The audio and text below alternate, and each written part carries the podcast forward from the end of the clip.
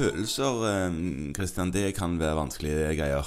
Skal vi snakke om følelsene våre? Vi skal ikke snakke om følelsene våre, vi skal ikke snakke om følelsene til de som føler at eh, Du, nå syns vi at jeg er veldig kvalm Ja. og dårlig. Ja. Jeg som er gravid. Ja. Denne svangerskapskvalmen jeg føler på, den er ille.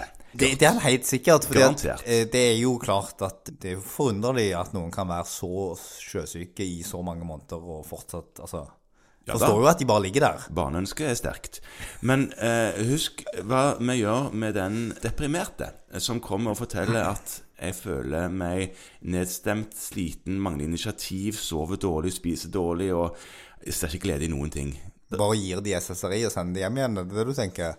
Ja. Eller var det noe annet du tenkte vi burde gjøre nå? jeg tenkte på Madres. Du tenkte at Ja. Ja. Så det du tenkte var noe som, som vi har snakket om før, tror jeg, og som er veldig viktig, og det er å prøve å objektivisere pasientens subjektive symptomer. Det er nettopp det Ja. jeg tenkte på. Ja.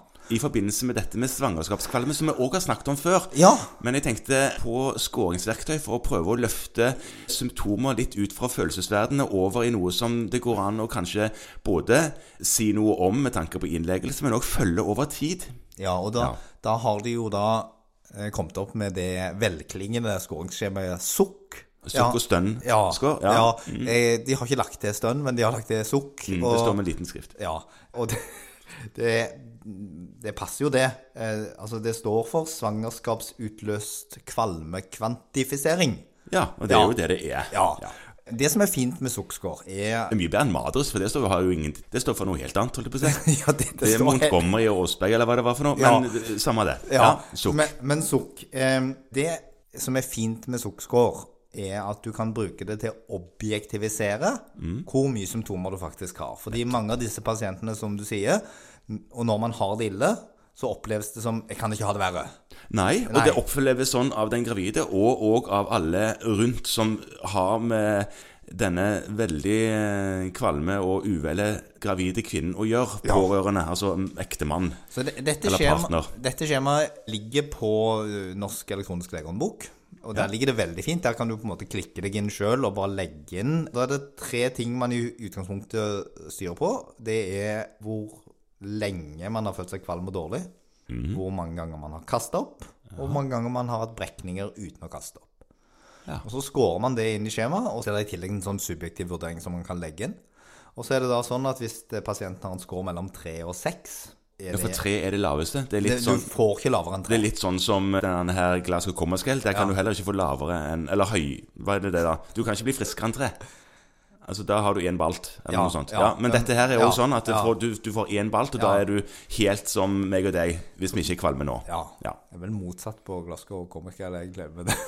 Ja, altså da, er- Det er sant. Da burde du tatt seg til. ja. Ja. Men, og så er det moderat mellom 7 og 12, ja. og så er det alvorlig over 13. Og det som da står i en del veiledere, er at hvis pasienten har en sukkskår over 13, så er det grunn til å vurdere innleggelse. Men da er det òg sånn at det skjemaet, hvis du da går inn og begynner å klikke litt rundt i dette skjemaet, og det kan man jo gjøre hvis man har hørt denne podkasten, og det er da, da må du liksom score omtrent fullt på alt. Men hva skal til, da? Hvor dårlig er man når man har over 13? Altså, da har man over seks timer i døgnet der man er kvalm, og man har kastet opp over syv ganger, eller i hvert fall over seks, Ja. og uh, man har hatt brekninger like mange ganger i løpet av de siste 24 timene. Ja. Ja. Da er man påvirka, ja. Ja. ja. Og de, særlig hvis det da har stått over litt grann tid. Altså, det er nok ikke nødvendig å legge folk etter ett døgns sykehistorie.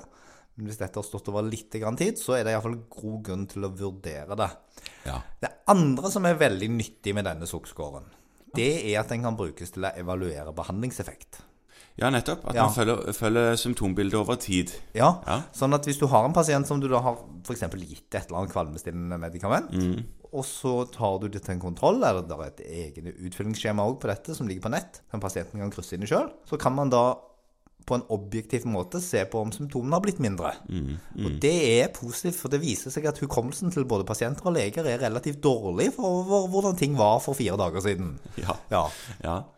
Ja. Så eh, slå et lite slag for en sånn objektiv måte, og så er det det at hvis man har tilgang til eh, legehåndboken, så lager jo denne her en sånn fin sånn Et lite notat. liten notat til deg som du kan live inn i journalen din. Så det gjør jo at det ser veldig mye mer oversiktlig ut når du skal ha pasienten inn igjen til kontroll. Det gjør det. Og så er det um, greit å ha dette på en måte å støtte seg litt på når man eh, sier hva som bør legges inn, og hva som like greit kan ivaretas og håndteres hjemme. Ja, fordi det er jo klart at dette er et validert skjema, og det sier noen ting om at det er en sammenheng mellom hvor mye symptomer man her har, hvor cutoffen er satt, og hvor alvorlig sykdommen er forventa å utvikle seg, Ja. og hvor god effekt de vil ha av å være hjemme kontra det å bli lagt til. Og mange ønsker jo virkelig ikke innleggelse. Og det å kunne si til den gravide da at eh, 'Jeg skjønner at du det ille, og sukkerskåren din er sånn og sånn', da er det trygt å være hjemme. Du, det, er ikke, det er ikke farlig for deg eller